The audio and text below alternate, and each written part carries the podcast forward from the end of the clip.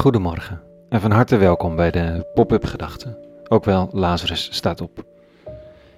Ik ben Rico en ik schrijf ochtends voordat de werkdag begint overwegingen gebaseerd op de oude Bijbellezingen van de dag.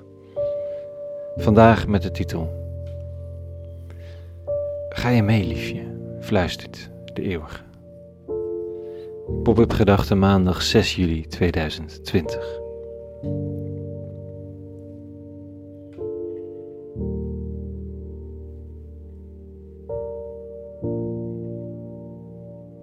Komt het weer goed? Gaan er betere tijden komen? Eh, zullen we het ooit anders gaan doen met elkaar? En is dat dan een langzaam proces van verandering of een harde ingreep, een breuk met de geschiedenis, een revolutie, een rampen? Sommigen zien bij de protesten van de afgelopen maanden vooral polarisatie optreden. Maar er gebeuren ook wonderlijke dingen. Er wordt iets vanzelfsprekend tussen al het donder en geweld. Musea, media, organisaties die hun bestand doorlichten en een weergave van de geschiedenis.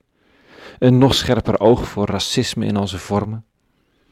Eromheen kolkt en woelt het gepolariseerde debat, maar in het oog vindt er verandering plaats.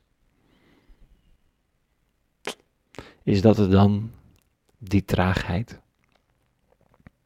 Kijk naar voedselketen, migratie, gebruik van fossiele brandstoffen, CO2-uitstoot, slavernij rondom de manier waarop kleren, telefoons, tomaten en wat niet al wordt gemaakt. Als de mens ter verantwoording zou worden geroepen, berg je dan maar.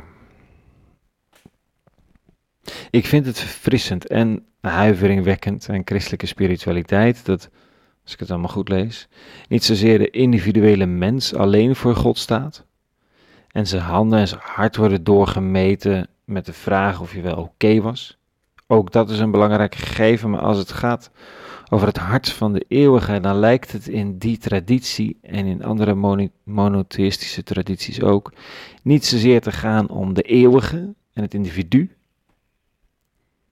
maar om de mensheid. Er werd in dat Eerste Testament geen verzameling individuen waar God iets mee had uit Egypte geroepen, maar een volk een volk dat symbool stond voor en het begin was van de verbinding met heel de mensheid. En er is iets moois als de profeten losgaan op onrecht. En dan kunnen ze goed, hè? Ik bedoel, er was alle reden toe. Nog zoiets dat niet veranderd is in al die eeuwen. Reden voor profetische, door merg en benen gaande kritiek op hoe de mens de dingen doet. En het prachtige van profeten, dat ik misschien wel een beetje mis in de kritiek van zoveel en ook van mezelf, of wat er nu misgaat. Het mooie is dat ze bijna allemaal en bijna altijd een toekomstbeeld schetsen waar de mensheid en de eeuwige weer in harmonie met elkaar samenleven.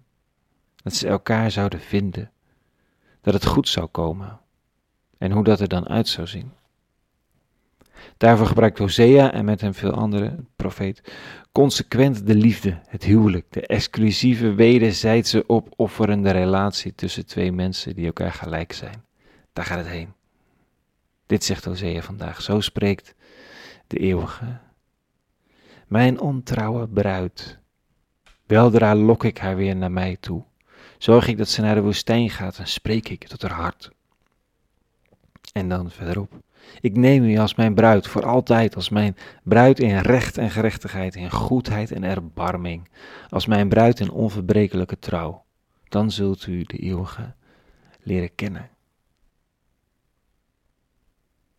Wat toch als de cynische demonstrant die boos is over de loop van de geschiedenis en de cynische beschouwer van dergelijke demonstraties die enkel mensen ziet die heel hard proberen te deugen, als die dit zouden geloven of proberen te geloven. Dat er achter dit alles een stem de mensheid roept. Niet jou en mij persoonlijk per se, maar de mensheid. Niet dat ik uit die wereld word gelicht om het mogelijk dan goed te hebben met een of andere godheid maar de mensheid die hard met zijn kop tegen de muur loopt en als het sterretjes ziet een stem hoort. Ga met me mee, liefje. En het is de eeuwige die fluistert en die beloofd heeft daar niets mee op te houden. Ze zeggen dat deze hele uh, trouwachtige verbinding, bruiloft, begonnen is met Jezus van Nazareth. Een huwelijk van God en mens.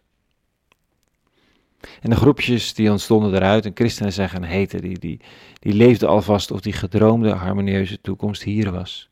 Te midden van de chaos van het Romeinse Rijk destijds. Goed, sindsdien is een deel van die groepjes weer een variant geworden van het hiërarchische, harde Romeinse Rijk. Een ander deel is de verbinding op andere manieren vergeten. Het label christen heeft allerlei betekenissen gekregen, goed en beroerd. Maar achter dat alles roept de eeuwige nog om de mensheid. Om verbinding, geloof, hoop, liefde. En midden in al die stormen, in de polarisatie en de zo terechte kritiek, klinkt die stem en die hoop. Er zal weer nieuwe harmonie ontstaan.